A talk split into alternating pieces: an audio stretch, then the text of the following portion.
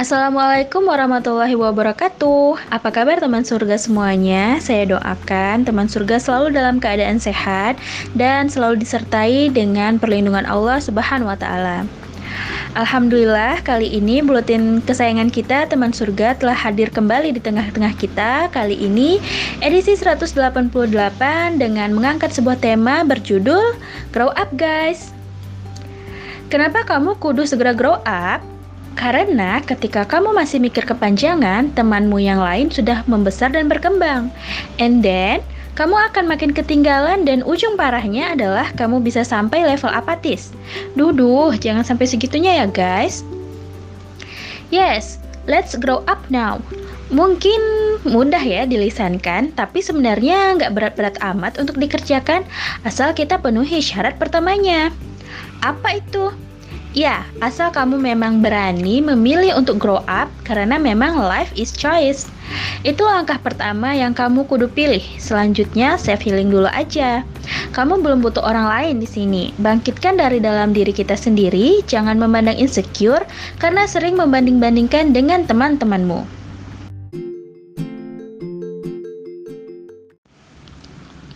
Yuk, self healing.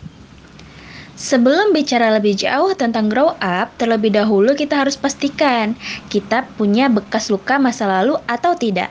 Sebab ada kalanya orang yang sulit grow up karena masih membawa beban masa lalu. Maka beban masa lalu kudu didiagnosa secara umum, baru kemudian di self healing.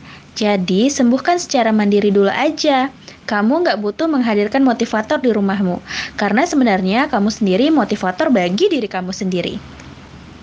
Self healing lagi rame dibicarain. Pentingnya self healing ad agar kita tidak memandang rendah diri kita.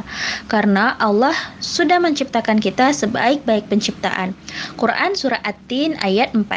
Sekaligus kita juga berpotensi untuk salah dan dosa. Dari Anas bin Malik radhiyallahu anhu berkata, Rasulullah Shallallahu Alaihi Wasallam bersabda, seluruh bani Adam manusia banyak melakukan kesalahan atau dosa, dan sebaik-baik manusia yang banyak kesalahan atau dosanya adalah yang banyak bertaubat.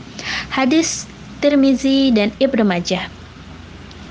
Namun self healing akan lebih bermanfaat apabila kita benar-benar memiliki motivasi untuk terlibat dalam proses penyembuhan tersebut. Caranya mudah, self healing dengan action.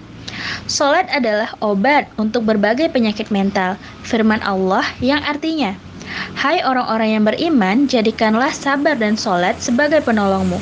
Sesungguhnya Allah beserta orang-orang yang sabar.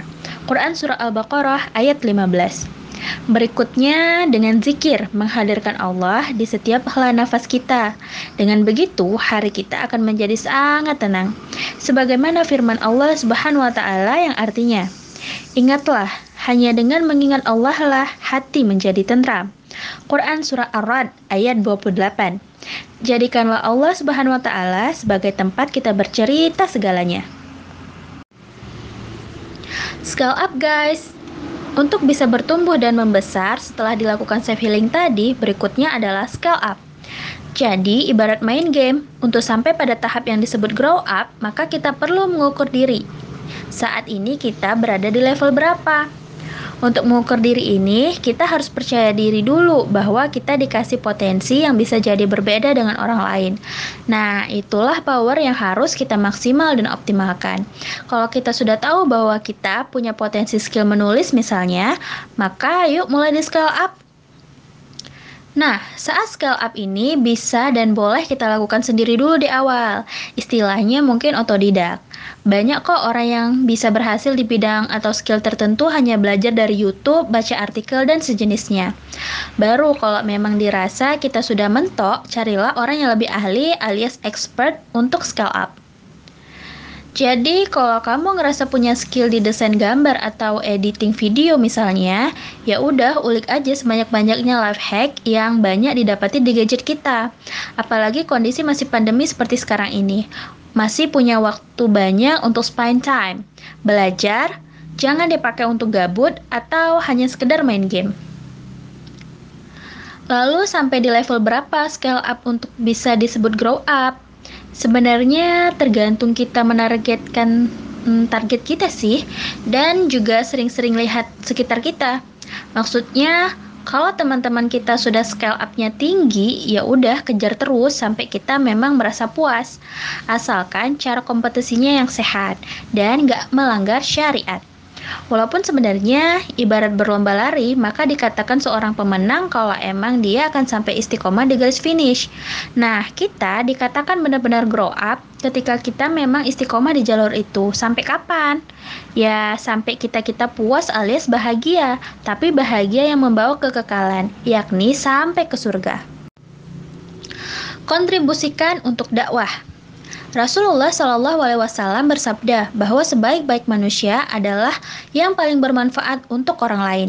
Artinya, kalau kita grow up, jangan hanya untuk kepuasan lahir ya, tapi juga kudu kepuasan batin, yakni dengan menyalurkan atau mengkontribusikan untuk dakwah. Wah, ini bakal luar biasa kalau anak-anak muda seperti kita yang dari berbagai skill yang mumpuni berkontribusi dan bergabung bersama barisan dakwah. Sebagaimana sebuah perkataan yang populer yang kurang lebih bunyinya, kemaksiatan yang dimanage akan mengalahkan kebenaran yang tidak dimanage.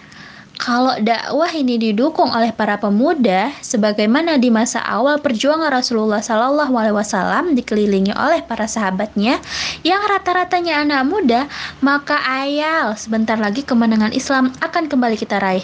Takbir, Allahu Akbar. Sekian dulu buletin kali ini. Sampai ketemu lagi di buletin berikutnya. Assalamualaikum warahmatullahi wabarakatuh.